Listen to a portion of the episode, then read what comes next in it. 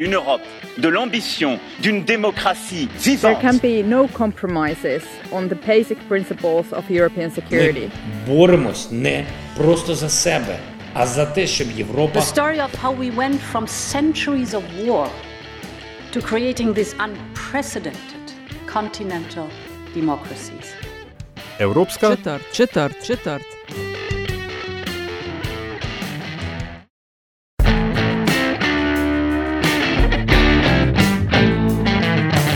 Spoštovane in cenjeni, dobrodošli v podkastu Evropska četrt, podkastu o vsem, kar vas bo zanimalo o Evropski uniji, pa niste vedeli, koga vprašati.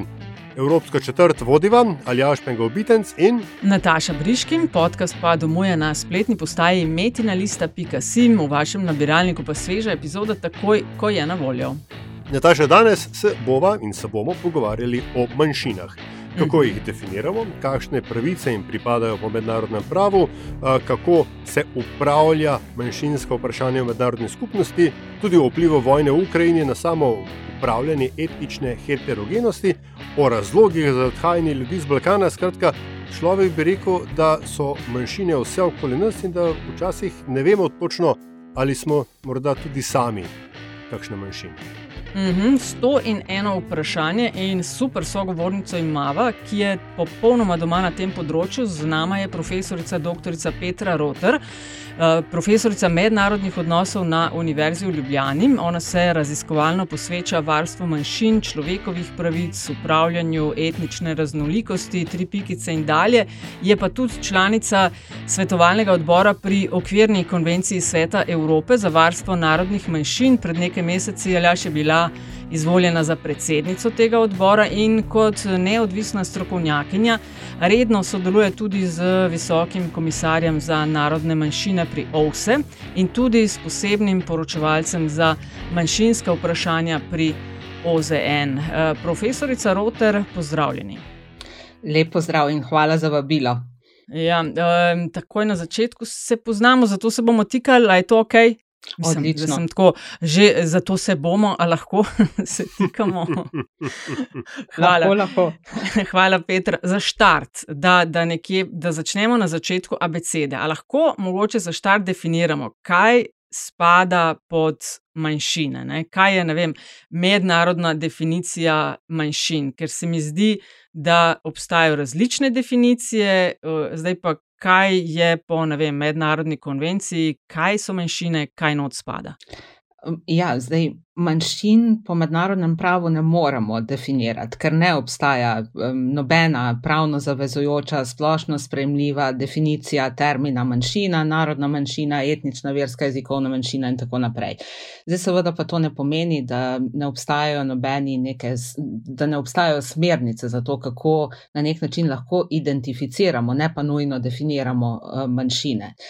Jaz bi rekla tako, ne, ponavadi govorimo o nekih skupnostih, eh, ki so sestavljene seveda iz zelo različnih posameznikov, druži jih pa mogoče neka skupna identiteta, etnična, jezikovna in ali verska, narodna, narodnostna, um, ohranja, želijo ohranjati to svojo identiteto, običajno so številčno manjši kot neka dominantna večinska populacija, um, so pa, to je precej pomemben element, tudi v nedominantnem položaju. Ne? To pomeni, recimo ta črnska večina ne, je bila v resnici manjšina v času apartheida v Južni Afriki. Ne? Tako da to so neke smernice. Običajno v evropskem mer- merilu tudi govorimo o manjšinah kot o skupnostih državljanov.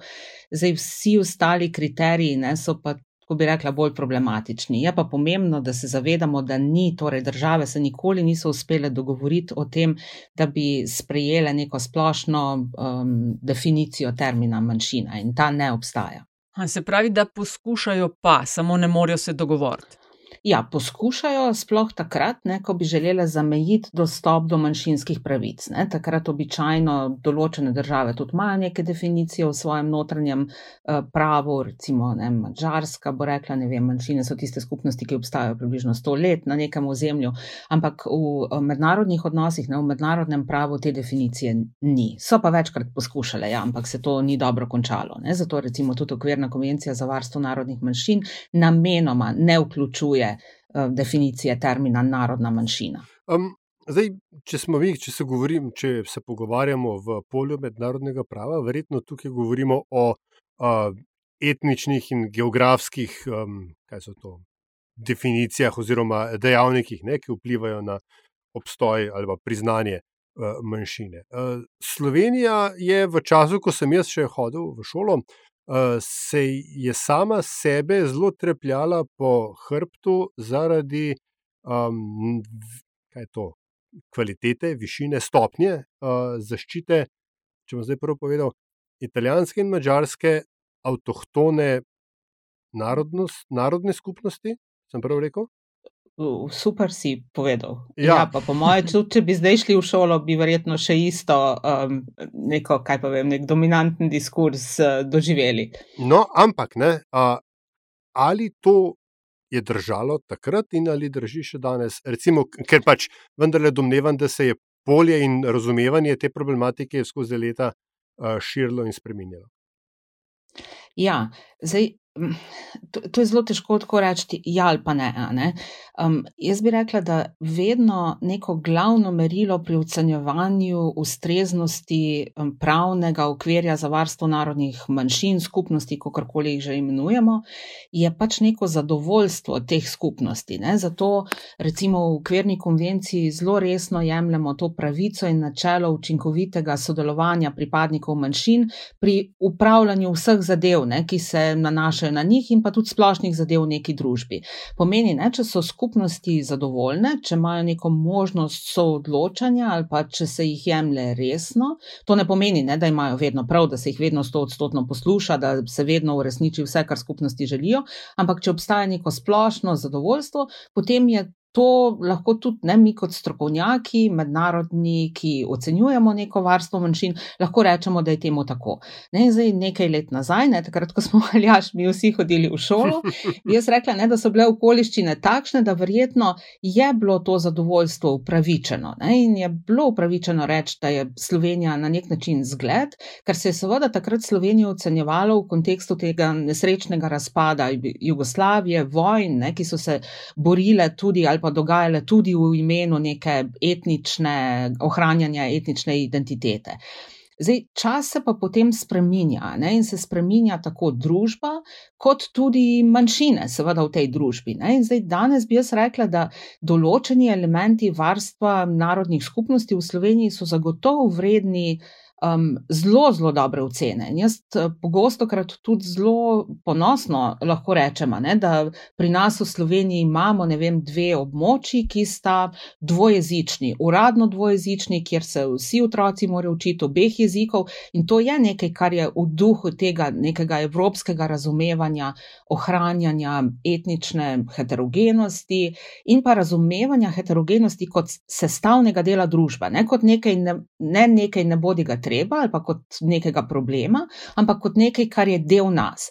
Zdaj, potem so pa ne drugi elementi, ki pa na nek način Slovenija se drži ali pa izvaja to politiko, ne, stikanja nojeve glave zelo hudo v pesek in ne vidi in ne želi videti sprememb, ki se dogajajo v družbi, ne, ki pa niso, zdaj bi rekla, ne, mogoče nek razlog za naše zadovoljstvo z upravljanjem etnične heterogenosti v Sloveniji.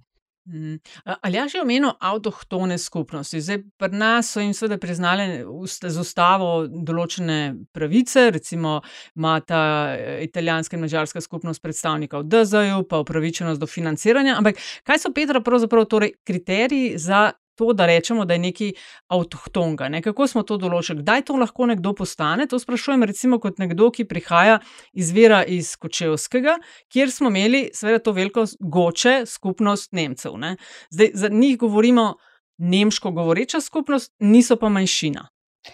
Odlično vprašanje. Ne znam na to odgovoriti, ker nihče v Sloveniji doslej na to vprašanje ni odgovoril. Um, Slovenija pač temelji um, ali pa utemeljuje dostop do, smo rekli prej, ne, relativno visokega ali pa obsežnega nabora manjšinskih pravic, utemeljuje, pogojuje z avtohtonostjo. Nihče pa nikjer ni zapisal, kdaj lahko postaneš avtohton. In to je tudi no. ključna kritika Slovenije, še takrat, v, v, recimo konec 90-ih let, ko so rekli: V redu, ne, vi vežete ta dober sistem varstva manjšin na avtohtonost, ampak kaj pa je avtohtonost. In je Slovenija zelo v krožnem argumentu odgovorila, da sta italijanska in mačarska skupnost avtohtoni. Potem, kasneje, ne, si je umislila ta princip avtohtonosti tudi za romsko skupnost, pri čemer samo v 20 občinah, kjer tudi ne vemo, ne, kdaj pač neka, recimo, navzočnost romske skupnosti lahko postane avtohtona.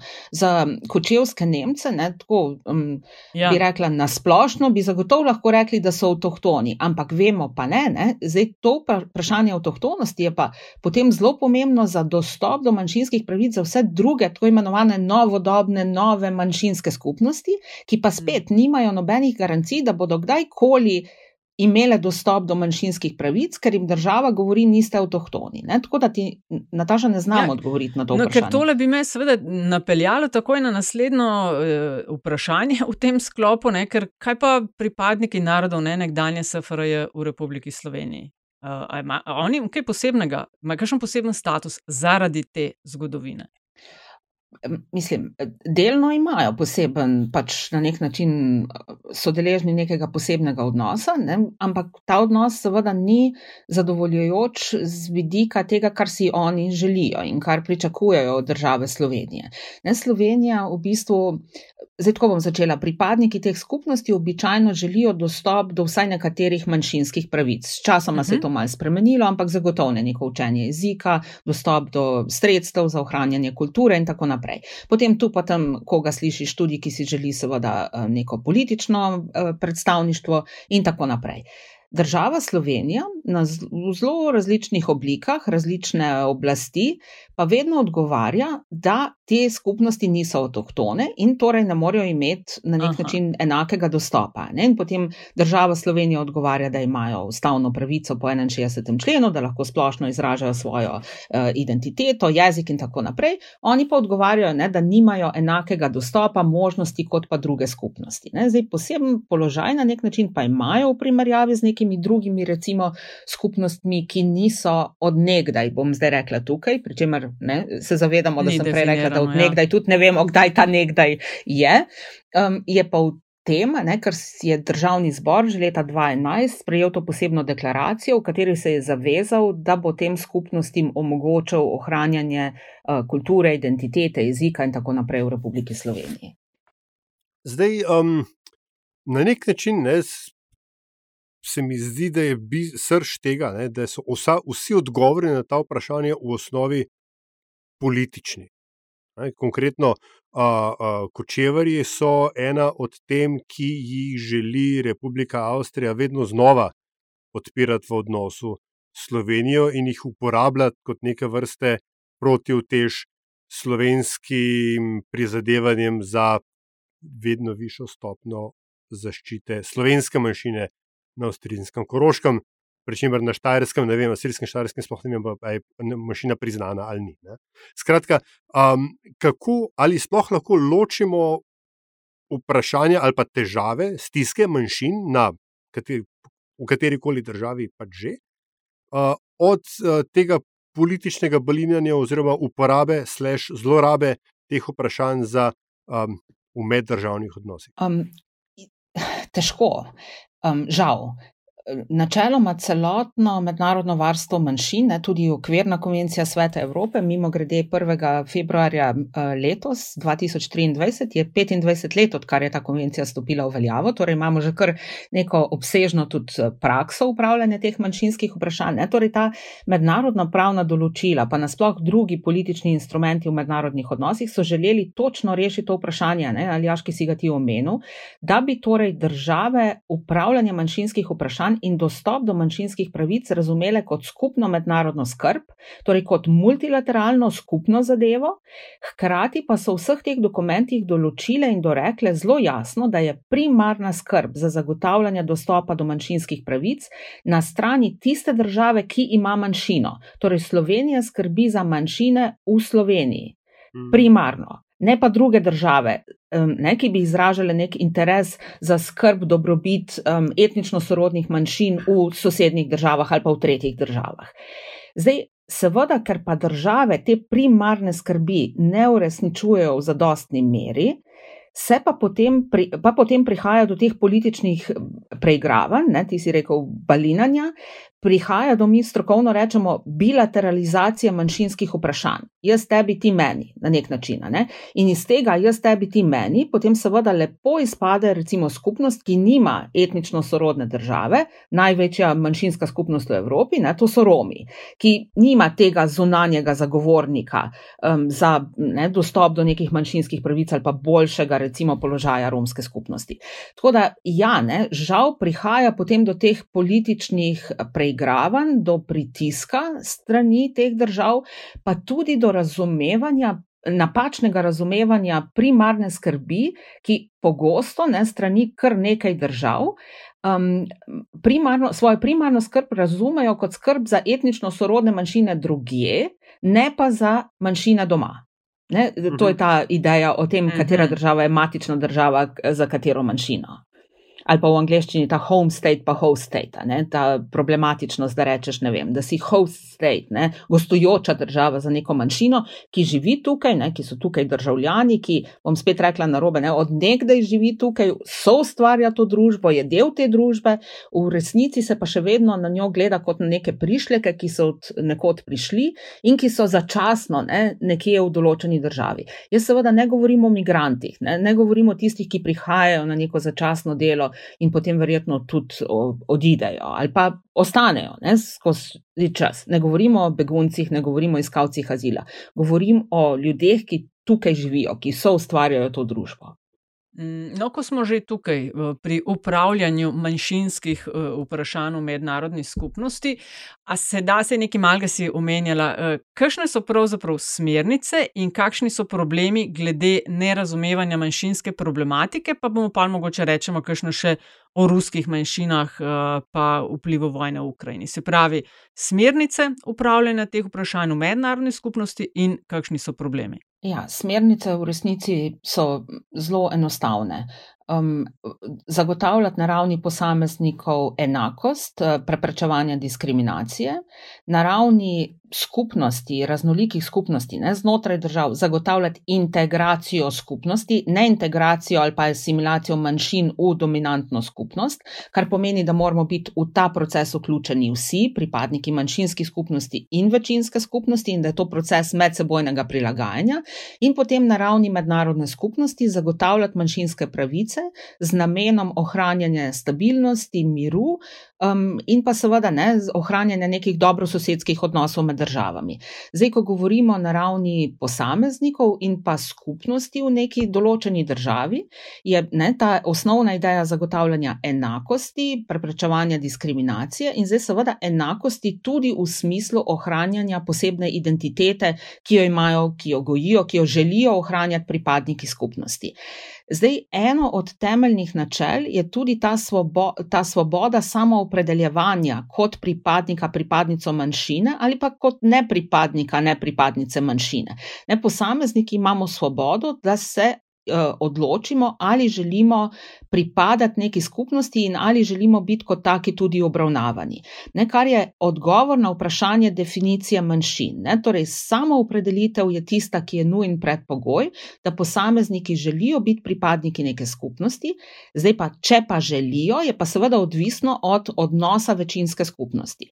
Potem, ne, ko si rekla smernice, jaz bi rekla mogoče še posamezne norme, ne pravice, to so ta pravica do rabe ohranjanja jezika, do eh, medijev manjšin manjšinskih jezikih, do medijskih vsebin, ki jih prispevajo pripadniki manjšine in ki so pomembni za manjšinske skupnosti in seveda tudi za večino, potem izobraževanje. Um, potem recimo uh, učinkovito sodelovanje, uh, potem dostop do um, upravnih postopkov v manjšinskih jezikih pod določenimi pogoji, potem samo, sama vidna navzočnost manjšin, tukaj govorimo o topografskih oznakah, o dvojezičnih napisih in tako naprej.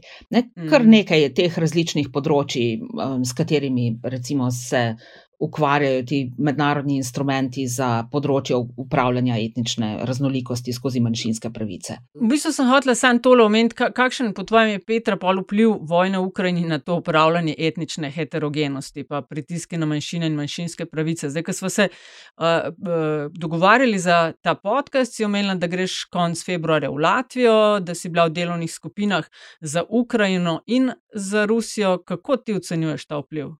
Ja, Ruska federacija je še vedno pogodbenica okvirne konvencije, kljub temu, da je bila izključena iz sveta Evrope.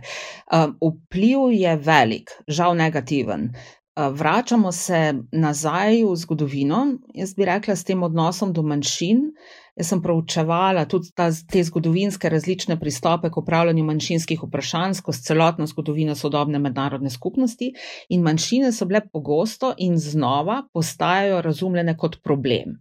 Ne kot nekaj, kar je ne samo neželjeno z vidika nekega prilagajanja ali pa kulturne raznolikosti, ta mogoče še gre dolo do določene mere, ampak predvsem kot varnostno vprašanje, ne? kot nekaj, kar uh, je nek, razumljen kot nek nelojalen um, segment določene družbe, ki potencialno prinaša tveganja.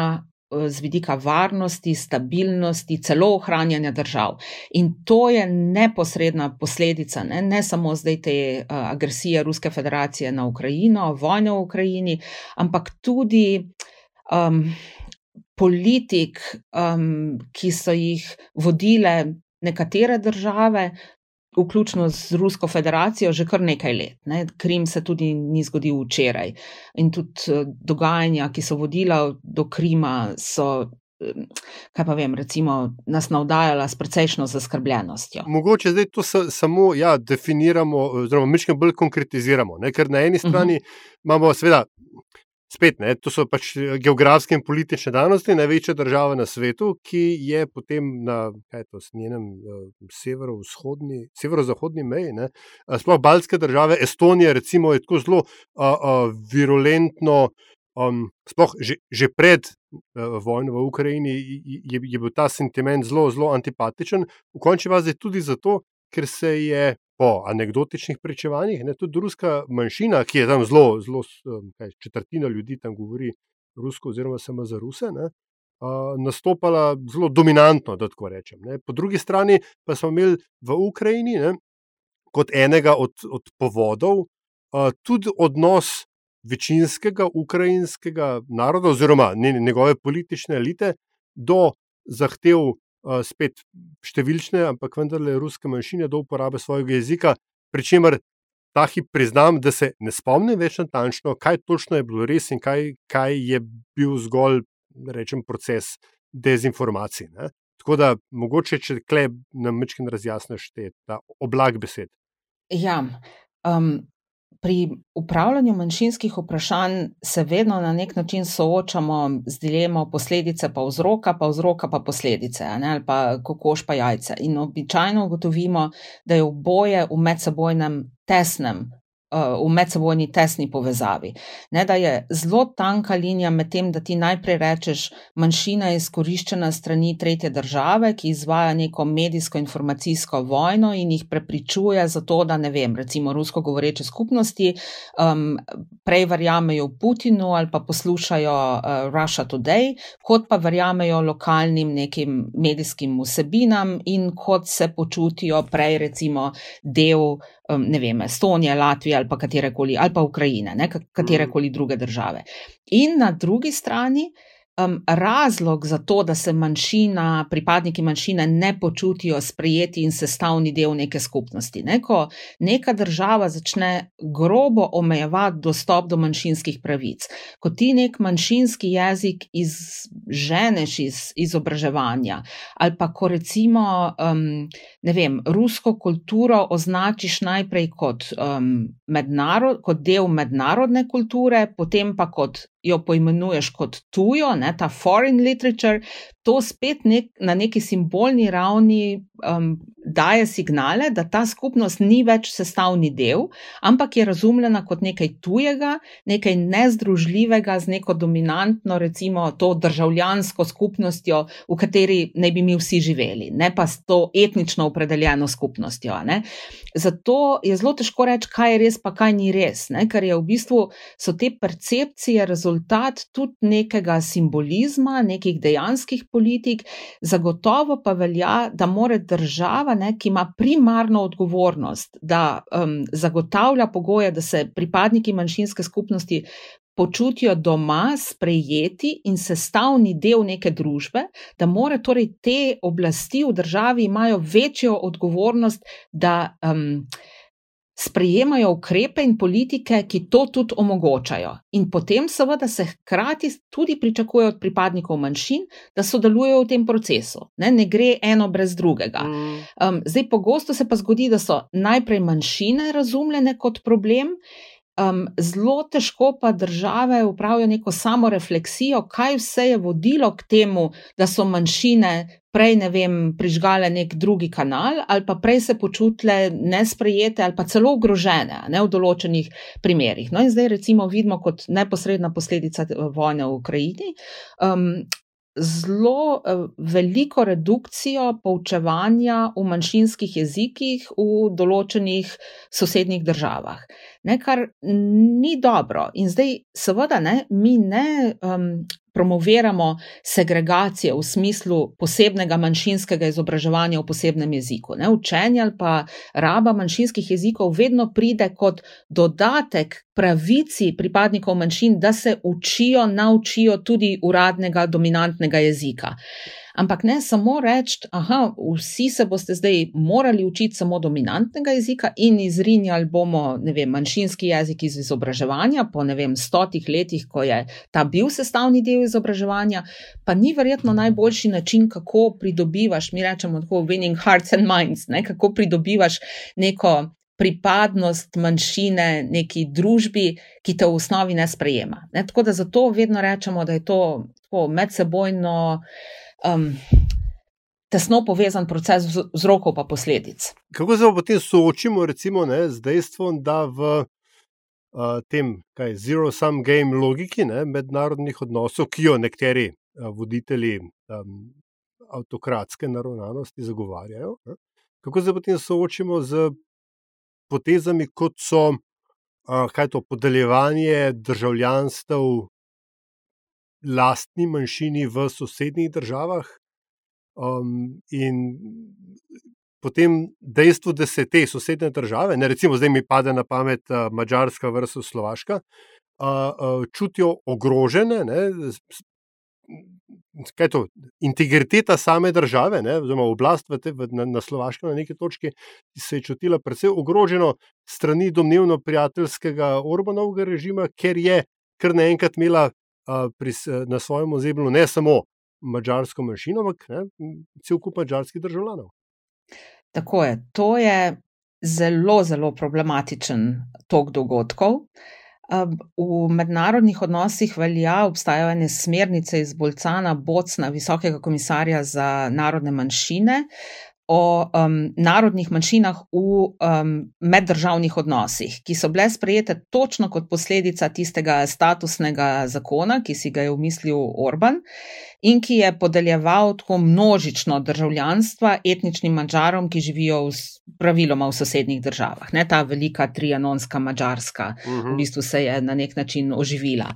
Um, tako podeljevanje državljanstv ni. Um, ni sprejemljivo, politično ni sprejemljivo ker seveda ruši neke dobre medsosedske odnose. Zdaj, seveda, problem je pa tudi v tem, da s eh, podeljevanjem državljanstva to ni samo neka človekova pravica, ko posamezniki lahko imajo vem, boljši dostop do izobraževanja, do nekih kulturnih izvanjav, štipendij in tako naprej, ampak imajo seveda tudi dostop do političnih pravic, kar pomeni, da lahko pripadniki manjšinskih skupnosti doprinesejo ali pa vplivajo na neke politične izide v državi, v kateri sploh ne živijo, tukaj neka neoliberalna logika tudi pade, nadomestijo etnična logika, ne? torej ni treba, da plačuješ davke, ampak vseeno odločaš v političnem smislu na odločitve. In imamo primere, ko so etnično sorodni pripadniki neke države, dominantnega naroda neke države, ki živijo v drugih državah, vplivali na izid uh, volitev v državi, v kateri sploh ne živijo. Ne, recimo, um, znan primer hrvaške skupnosti, Tako, ja. hrvaškega naroda v Bosni in Hercegovini, ki je vplival ne, na izid uh, volitev na Hrvaškem. Zdaj, tako podeljevanje državljanstva, torej množično, ni sprejemljivo, ne, ne prispeva k dobremu. Upravljanju manjšinskih vprašanj, ki bi krepilo ustrezne, dobre medsosedske odnose. Preprečevati ga je pa težko, Um, lahko seveda upozarjamo, da to ni dobro, preprečevati ga je pa skoraj da nemogoče, zato ker ima država to primarno kompetenco, da podeljuje državljanstvo tako, kot želi, skladno z notranjo zakonodajo. Ne? Zdaj obstajajo neke mednarodne smernice, ampak vemo, kako je s temi. Ne? Tako da mm. težko preprečevati. Včasih so vsi hoteli imeti slovenski potni list, ker so s tem dobili evropski, eh, potni list Evropske unije. Ne? Mislim, da je v Sloveniji bilo, pa me kar popravi, če se motim do tretjega reda, ali kako ne. Če imaš babico ali pa detka v Sloveniji, si še upravičen do uh, državljanstva, je nekaj takšnega. Ne? Uh, ja, mislim, da je zdaj drugi red ali kako je avtomatično, brez Aha. tega enoletnega pogoja z naturalizacijo.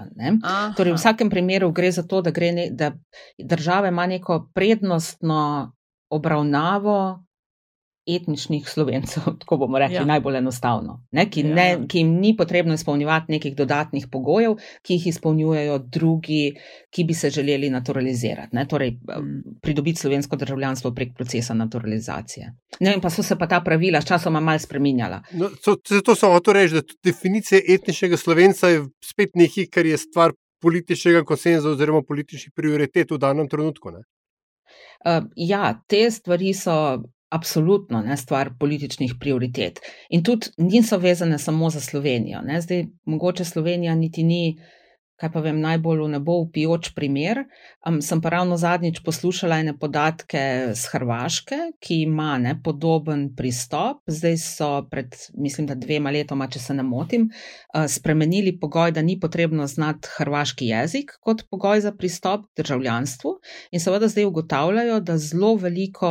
Um, potomcev Hrvatov, ki so nekoč bili hrvaški državljani, ki živijo v Južni Ameriki, sicer želi uh, hrvaško državljanstvo, ampak jih potem, takrat so govorili o številki približno 70 odstotkov, teh gre živeti v Španijo, ne na Hrvaško. Ne? Torej, to je ta EU moment, Nataša, o katerem si govorila. Ja, ja. A, ampak, ker smo že pri EU momentu, no, pa da ne bomo se samo koncentrirali na ta naš podalpsko-dinarski svet, ne, Um, obstajajo, um, zelo tako, um, kako že krajši, um, krajša uh, osebna refleksija. Jaz sem bil kar presenečen, ko sem se pač um, silom prilike preselil v Benelux, ugotovil, da tukaj ne, so ta jezikovno-etnična meša, mešanostna vprašanja uh, kar prisotna ne, in so, vsaj z mojega slovenskega vidika, v veliki večini primerov kar zgledno urejena, tudi ne, na uh, podlagi um, krvavenja Prve in Druge svetovne vojne. A je to, recimo, Zahodna Evropa nekaj, kjer bi se lahko, oziroma kamor bi lahko Slovenija pogledala, če in ko se bo oblast odločila, da bo reševala tudi novodob, vprašanja novodobnih, ne spet v narekovaju manjšin? Um,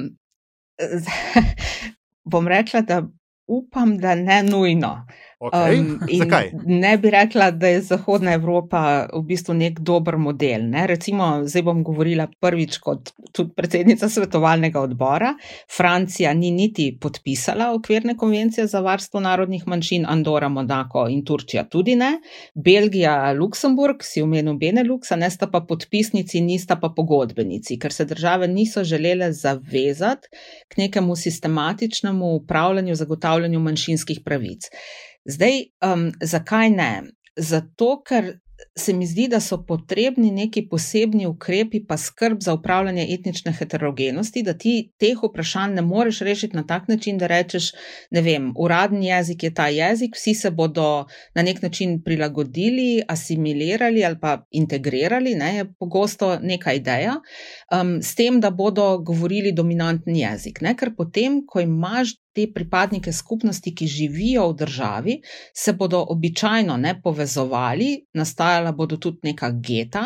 Če država sistematično ne pristopa k upravljanju heterogenosti, bo pomenilo to tudi izključenost. Ne? Če mi pogledamo recimo um, parlamente zahodnih držav, bomo videli, da ne odražajo strukture prebivalstva, že vidno, kaj šele sicer. Um, govorimo ne, o izključenosti pripadnikov manjšinskih skupnosti iz, um, torej, zdaj bi rekla, vidnih procesov odločanja, pa tudi, seveda, iz nevidnih. In ta nek laissez-faire pristop ni nujno najboljši.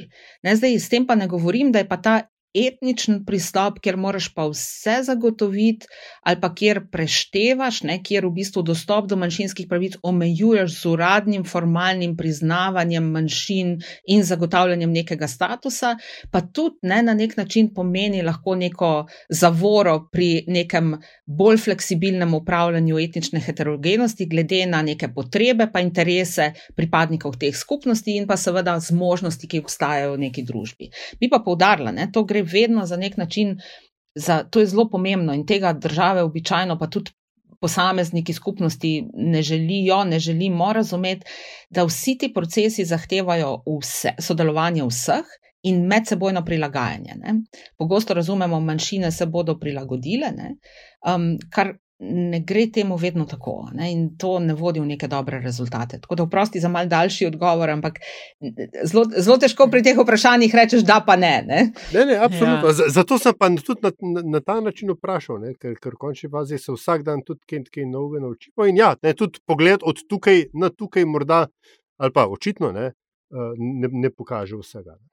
Bi no, pa mogoče ali... še dodala, oprosti, Nataša, mogoče bi še dodala, ne, da je pa na Zahodu navzoče to um, razmišljanje, ne, da ta, recimo, okvirna konvencija je itak potrebna za te necivilizirane nekdanje komunistične države, ki prihajajo ne, zdaj v to obljubljeno Evropo. Um, mi, češ smo že, ne, imamo, se lahko pohvalimo, zdaj vi, ne, na pol barbarski pa boste vse to morali še narediti. Kar, kar pa se zdaj malo, po, po, kaj pa vem, recimo, uh, mogoče malo pretiravam, ampak um, poanta pa je ta, ki jo želim sporočiti. Ne? Torej, poanta pa je ta, da manjšinska vprašanja nikoli niso urejena, nikoli niso rešena. To je proces, ki zahteva stalno politično, uh, subtilno obravnavo in pa vključevanje pripadnikov teh skupnosti. Zdaj pa tukaj, ne, se mi zdi, pa drug problem, da so vključeni pripadniki teh skupnosti, ki so običajno, ne, kaj pa vem, recimo moškega spola, pa starejši, in se zdaj zelo velik poudarka daje na poudarjanje pomena raznolikosti, tudi manjšinskih skupnosti, da imamo v manjšinah mlade, pa starejše, pa ženske, pa ljudi, ki so v družbeno-ekonomsko slabem položaju, ki so revni, ki seveda nimajo enakih niti potreb, niti interesov. Ne? Recimo, starejši bodo, kaj pa vem, recimo prej zainteresirani za dostop do zdravstvenega varstva v manjšinskem jeziku, mladi ne, za izobraževanje v manjšinskem jeziku. In to so neke stvari, ki jih je potrebno tudi imeti v, v mislih, ko razmišljamo o upravljanju etnične heterogenosti. Ne. In recimo moj svetovalni odbor, ko gre na teren, ko obiščemo posamezne države, si zelo prizadevamo, da se dobimo tudi recimo z mladimi, ne, da vidimo, kako mladina razmišlja o nekih potrebah, ne, da to ni nekaj, kar je status tako in nikoli spremenljiva zadeva, ampak da so tudi drugačne in interesi in potrebe ne, v, znotraj manjšinskih skupnosti, ne, kar razbije potem ta. Strah pred um, manjšino kot neko koherentno celoto, ki jo po možnosti upravlja neka tretja država in ki predstavlja neko varnostno grožnjo. In jo prenaša na polje dostopa do človekovih pravic. Ne? Ker mimo grede to danes še nismo povedali, manjšinske pravice so človekove pravice. V mednarodnem pravu so to individualne pravice, ne? torej pravice posameznikov, ki pripadajo manjšinskim skupnostim. Ne? In potem pridemo na polje tega eh, zagotavljanja enakosti, preprečevanja diskriminacije, možnosti ohranjanja sodelovanja z polja teh visoko, um, pr, uh, visokih političnih vprašanj, ki so tudi problematična. Ne? To, čemer smo prej govorili. Petra, 1. Eh, februarja je minilo 25 let, odkar je okvirna konvencija vstopila v veljavo. Ti si uh, predsednica, kot sem na začetku omenila, tega svetovalnega odbora pri okvirni konvenciji Sveta Evrope za varstvo narodnih manjšin. Izdala si ob tem um, eno izjavo, jo bomo priložili na stran. Zdaj ta konvencija Mednarodna pogodba je v bistvu edini pravno zavezujoč multilateralni inštrument. Svet Evrope ima 46 članic, pogodbenic tega je 39. Kako to, ker smo že prej omenjali Rusijo, ki je v zadnjem letu izstopila iz marsikjerga mehanizma, kako to, da niso izstopili iz tega? Upaj, upajmo, da ne bodo. Um, ni pa uh, Ruska federacija zdaj preseneča s svojimi potezami, ne, kot odgovor na to izključitev iz Sveta Evrope. In čeprav razumem, je v procesu izstopa iz tistih konvencij Sveta Evrope, ki so zaprte za članice Sveta Evrope, zdaj okvirna konvencija je odprta tudi za nečlanice. In upamo, ne, da Ruska federacija ne bo izstopila iz te pogodbenice, ker je ne na zadnje v interesu pripadnikov manjšinskih skupnosti v Ruski federaciji, ne, ki jih je kar nekaj, in tudi Ruske federacije kot take, da upravlja etnično heterogenost na nek način, ki je skladen s temi uh, instrumenti. Zdaj, zakaj ima okvirna konvencija samo 39 pogodbenic, mimo grede velja, oziroma uresničuje se tudi na Kosovu, ne, torej imamo 40 entitet. Um, prej sem že rekla, ne, da Francija, Turčija, Andora in Morako, Monako niso niti podpisale te konvencije, vemo zakaj. Ne, Francija nima manjšin uradno, ne, je enoten francoski narod, Andora, Monako potem na nek način podobno razmišljata, um, Turčija pa ravno tako, ne, se. Um, izogiba um, besedi kurdska skupnost, kurdski narod, kurdska um, manjšina, ne na zadnje, ne, in um, ne priznava tega pristopa k upravljanju heterogenosti. Potem pa ne te druge štiri, Grčija, Belgija, Luksemburg, Islandija, ki pa na nek način ne zanikajo obstoja teh skupnosti ali pa ne zanikajo manjšinskih pravic, ampak imajo neke druge, kaj pa vem, recimo težave, mogoče tudi nekaj objektivnih težav, recimo ne, Belgija ali pa Luksemburg nista ne naklonjena niti tej eh, konvenciji, niti upravljanju heterogenosti skozi manjšinske pravice, ampak imata nekaj notranjih zadreg, ki bi jih bilo mm. potrebno urediti. Mm. Tako da ne. Je približno. Samo mogoče še ja, zadnje vprašanje, ali jaš. Uh, ja, ne, hotel sem sam, sam pripomniti, da je uh, ta Benelux, veš, bi potem um, Belgija imela težavo z Luksemburgom, ne, ker je uh, pokrajina Luksemburg v Belgiji skoraj tako velika kot država Luksemburg. Ne, tako dalje, tako dalje. Skratka, ja, zanimivo. Uh, ampak ja. Um, Vsak, vsakič, ko se uh, z Natašo, pa kadar se z Natašo pogovarjamo o manjšinskih vprašanjih, ne, naj vedno oštejejo, uh, češ, da se manjšin v resnici ne sme šteti. In mhm. vendar ne, um, se uh, zdi, da so uh, popisni podatki iz popisov um, vendarle tudi eno od orodij ne, pri, uh, da imamo reči, oblikovanju politik uh, do, te, do teh vprašanj. Nujno orodje. Ti ja. ne moreš imeti dobrih politik, če nimaš dobrih podatkov. Ne? Če ne veš, kaj se dogaja v družbi, kako boš potem v resnici usmerjal politike um, na sploh, recimo, ali v nekem geografskem smislu ali v smislu nekih številk, ne, ti moraš ne na zadnje, ne vem, vedeti, koliko je otrok, ki imajo eh, prvi jezik, nek drugi jezik, da veš, kje potrebuješ nekega učitelja, recimo, ki bo lahko omogočal nek dodatni dopolnilni pouk v tem jeziku. Ne. To so zelo praktične zadeve. Ja, ampak to ni bilo tvoje vprašanje. Ne. Vprašanje je glede. Ja, vprašanje je bilo pač to. Zdaj, jaz se zdaj spomnim, da kaj 22, eh, ja, 21 let bo odkar so šli popisovalci v Sloveniji zadnjič na terenu, takrat naprej se uporabljajo podatki iz registra. Statistični urad je na to blazno ponosen, ampak moje, moje vprašanje v, resnici je, no, sej si tudi začela odgovarjati na to.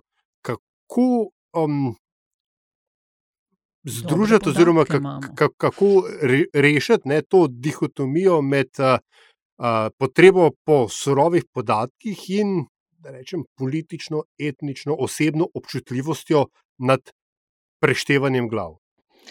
Um, zdaj, etnično, osebno občutljiva je tudi zadeva, ne, ali pa recimo bom rekla politično občutljiva je tudi zadeva, če nimaš podatkov, ker to odpira možnosti interpretacij z ene in z druge strani.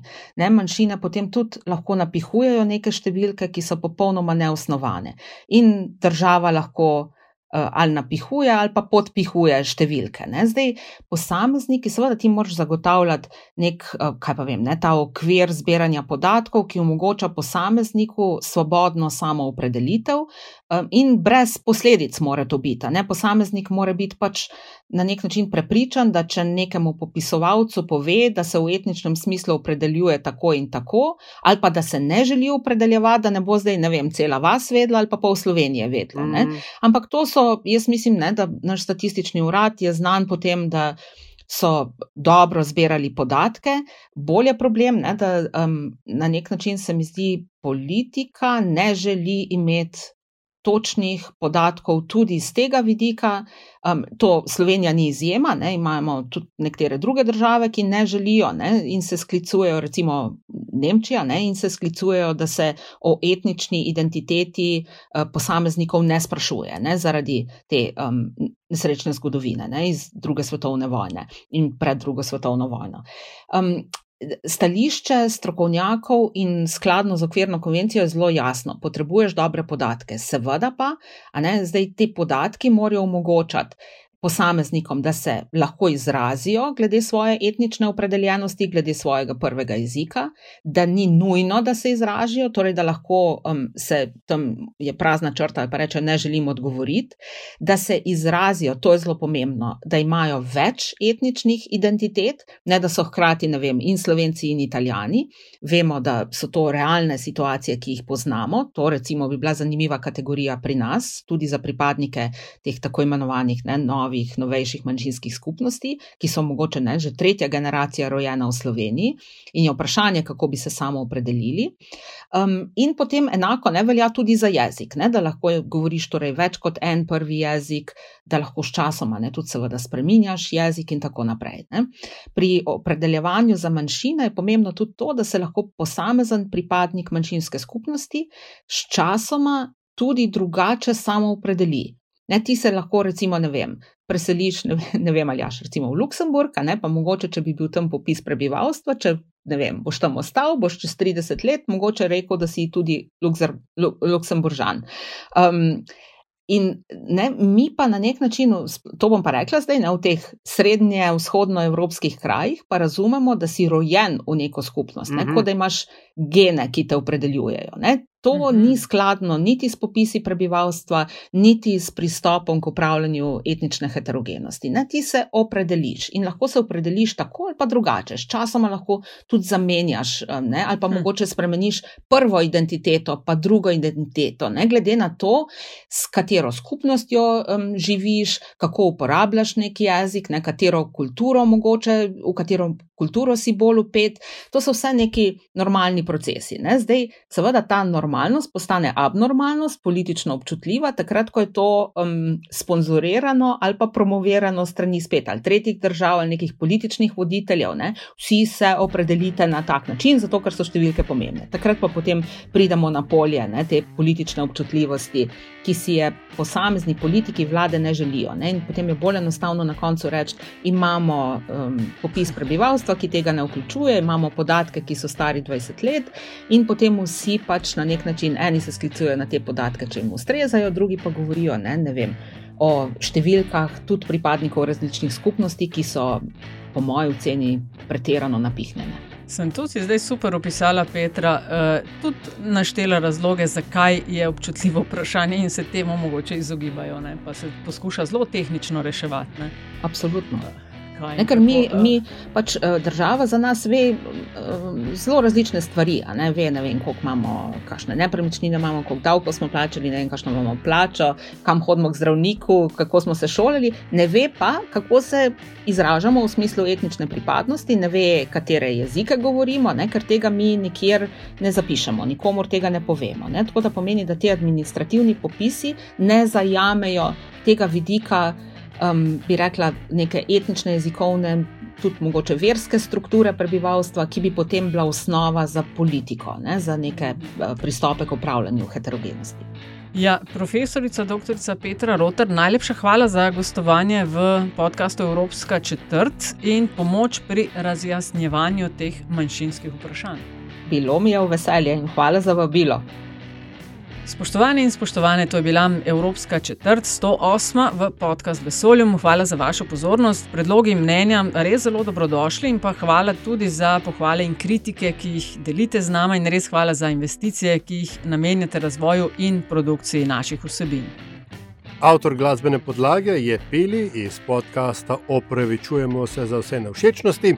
Če vam je vsebina všeč, bo pomagalo, da nastavi še kdo, če naj jo ocenite pri vašem izbranem podkastu ponudniku. Sicer pa hvala za vašo družbo in se slišimo spet k malu. thank you